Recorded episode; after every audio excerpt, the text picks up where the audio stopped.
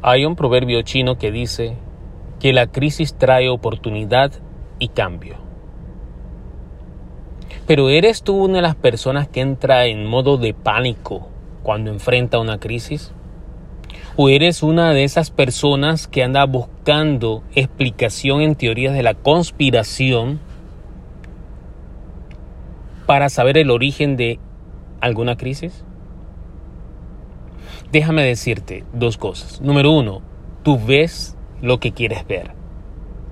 Es decir, que si tú estás acostumbrado a ver o quieres ver más problemas dentro de una crisis, lo vas a ver.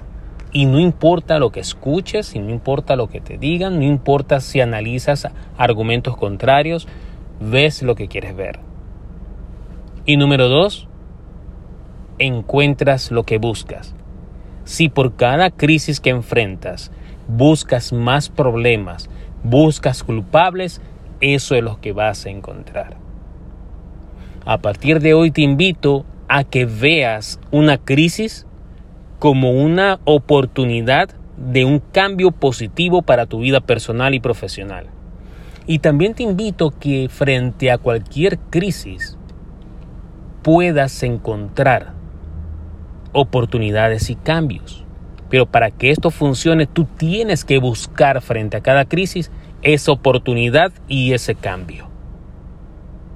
A partir de ahora, mira las cosas, mira las crisis, los problemas de una forma positiva. ¿Es difícil? Sí.